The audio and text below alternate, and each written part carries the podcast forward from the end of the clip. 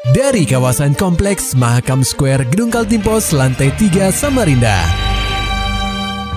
96,8 KPFM Kita akan ikuti program KP Flash News.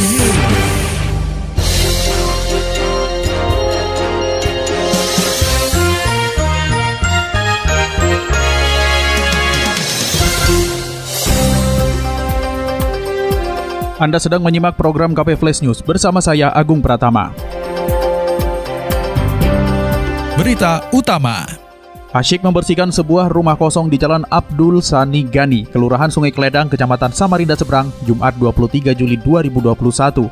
Seorang pria bernama Udin menemukan sebuah kerangka tepat di sebuah kamar rumah kosong tersebut. Udin menuturkan sudah dua hari dirinya membersihkan rumah tersebut karena dia akan menempatinya. Hari pertama dirinya hanya membersihkan halaman rumah dan ruang tamu.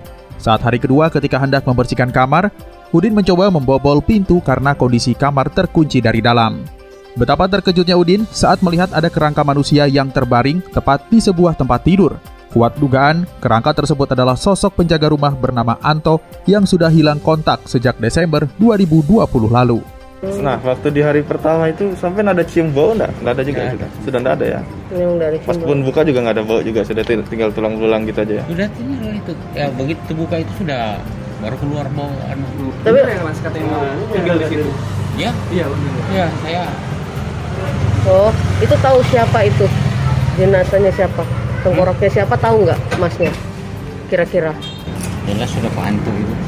Mendapat laporan adanya penemuan mayat, jajaran Polsek Samarinda Seberang, unit Inavis dan relawan Inavis Polresta Samarinda segera menuju lokasi kejadian untuk melakukan olah TKP. Kasubnit Inavis Polresta Samarinda, Aibda Hari Cahyadi menjelaskan, berdasarkan hasil olah TKP, ditemukan adanya palu di sebelah kiri dan pisau dapur di sebelah kanan posisi kerangka.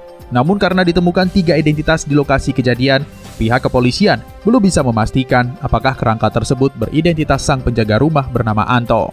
Untuk di TKP kita mengamankan berupa palu di sebelah kiri korban, sebelah kanan pisau dapur dan beberapa potong rokok serta mengamankan tulang belulang yang akan kita bawa ke unit lapor Surabaya Mabes Polri. Untuk penyebabnya untuk sementara ini belum kita pastikan apakah sakit atau memang meninggal karena adanya tindak pidana.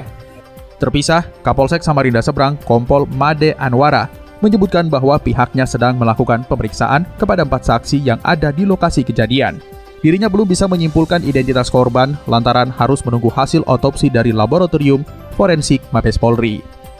Sementara itu putus asa berkali-kali ditolak rumah sakit. Keluarga pasien isoman sambangi kantor Gubernur Kaltim. Laporan selengkapnya akan disampaikan reporter KPFM Samarinda, Muhammad Nur Fajar.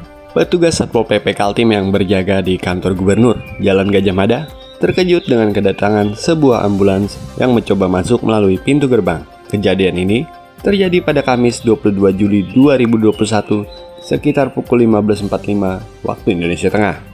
Salah satu petugas, Kadir, menghentikan kendaraan itu. Dia menyebutkan, ambulans tersebut datang dengan suara sirine yang memekikan telinga. Lantas, karena terkejut tiba-tiba hendak memasuki kantor gubernur, dirinya langsung menanyakan maksud dan tujuannya. Ternyata, keluarga pasien ingin bertemu dengan gubernur Kaltim, Isra Nur, sebab mereka sudah ditolak sejumlah rumah sakit di Samarinda sehingga tidak tahu harus ke mana lagi.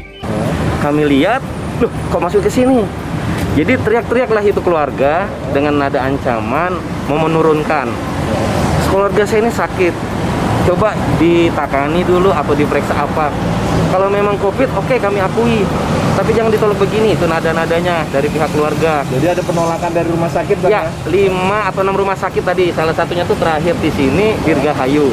Tanpa basa-basi, petugas Satpol PP Kaltim yang saat itu sedang bertugas segera berinisiatif mengarahkan dan membawa pasien tersebut ke Rumah Sakit Jiwa Daerah atau RSJD Atma Husada Mahakam di Jalan Kakap, Kelurahan Sungai Dama, Kecamatan Samarinda Ilir, guna mendapat perawatan.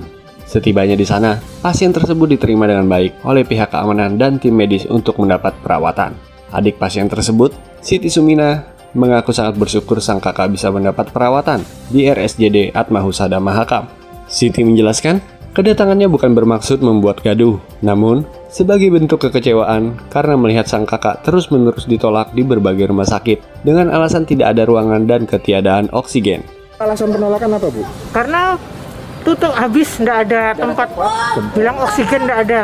Terus saya bilang ini saya bawa oksigen. Mau oksigen berapa saya kasih? Yang besar ada dong kalau ada tempat tidur saya nggak ada tetap. Nggak mau dilihat pasiennya cuma bilang tidak ada. Oke, Bu, tadi eh, ke kantor gubernur maksudnya seperti apa, Ibu? ya saya mau ketemukan anu Pak Gubernur.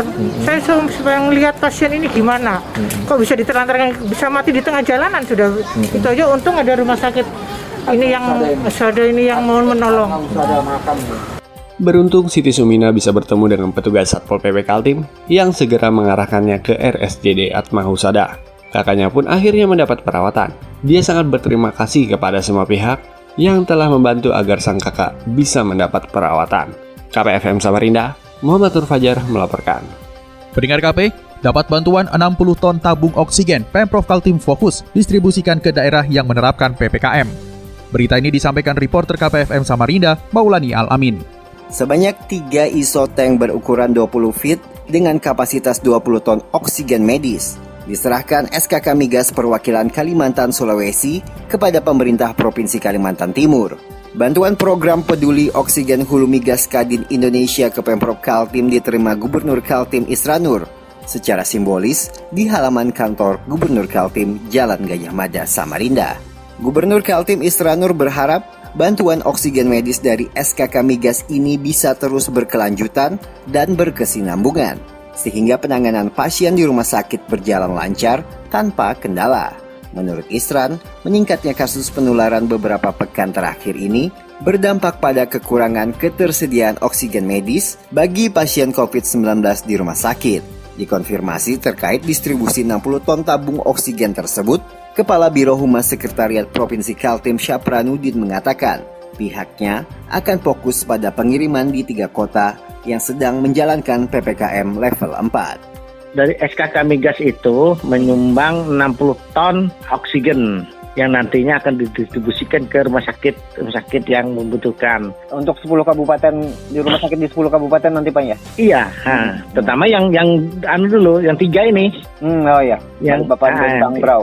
Bontang Berau ini termasuk Samarinda. Hmm. Yang jumlah kasusnya banyak gitu lah anunya. ha. Distribusi puluhan tabung oksigen ini akan diawasi oleh Satgas Pemenuhan Kebutuhan Oksigen di Kaltim yang diketuai Sekretaris Provinsi Kaltim Muhammad Sabani. KPFM Samarinda, Maulani Al-Amin melaporkan. Beralih ke berita selanjutnya, pendengar KP tata kelola aset lahan milik Pemkot Samarinda di Jalan Mula Warman yang ditempati DPD Partai Golkar Kaltim masih menuai persoalan. Dikutip dari Kaltim Pos, Pemkot Samarinda sudah mengirimkan surat perintah tertanggal 13 Juli 2021. Surat itu berisi lima poin, salah satunya meminta DPD Golkar Kaltim mengosongkan bangunan di Jalan Mula Warman, Kelurahan Pelabuhan, Kecamatan Samarinda Ilir. Lahan milik Pemkot itu tercatat dalam sertifikat hak pakai atau SHP nomor 122 tahun 1998.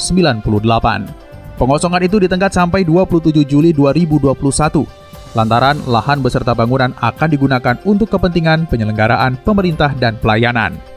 Pada Kamis 22 Juli 2021, Ketua DPD Partai Golkar Kaltim, Rudi Masud, melakukan pertemuan dengan Wali Kota Samarinda, Andi Harun. Kepada awak media, Wali Kota Samarinda, Andi Harun menyampaikan hasil pertemuan. Menurutnya, apabila pihak Golkar tetap ingin berkantor di lokasi itu, maka opsinya adalah membeli aset Pemkot tersebut. Tawaran itu sesuai dengan regulasi yang berlaku, salah satunya melalui perhitungan oleh Kantor Penilaian Kekayaan Negara Lelang atau KPKNL. Ya tadi saya juga sudah kemukakan kalau mau terus di situ opsinya ada satu ya ini membeli. Kalau membeli kan berarti harus pakai sebelumnya kita harus nilai aset itu. Terpisah, Ketua DPD Partai Golkar Kaltim Rudi Masud mengatakan pihaknya akan berkoordinasi dengan DPP untuk menindaklanjuti hasil pertemuan bersama Wali Kota Samarinda. Ya, ini kami datang berkaitan dengan eh, surat yang telah diberikan Pak Wali Kota kepada DPD Partai Golkar di Kalimantan Timur untuk kami juga membahas ini juga. Ini juga yang kita bahas untuk mencari mencari way out-nya. Bagaimana mencari solusinya. Tindakan selanjutnya tentunya kami akan berkoordinasi kembali dengan DPP untuk nanti option-option yang akan diberikan. Maulani Alamin, Muhammad Nur Fajar, KPFM Samarinda. Serta dapatkan berita-berita selengkapnya di www.968kpfm.co.id. Demikian tadi telah kita simak rangkaian berita-berita yang terangkum dalam program KP Flash News. Persembahan dari 96,8 KPFM. Terima kasih dan sampai jumpa.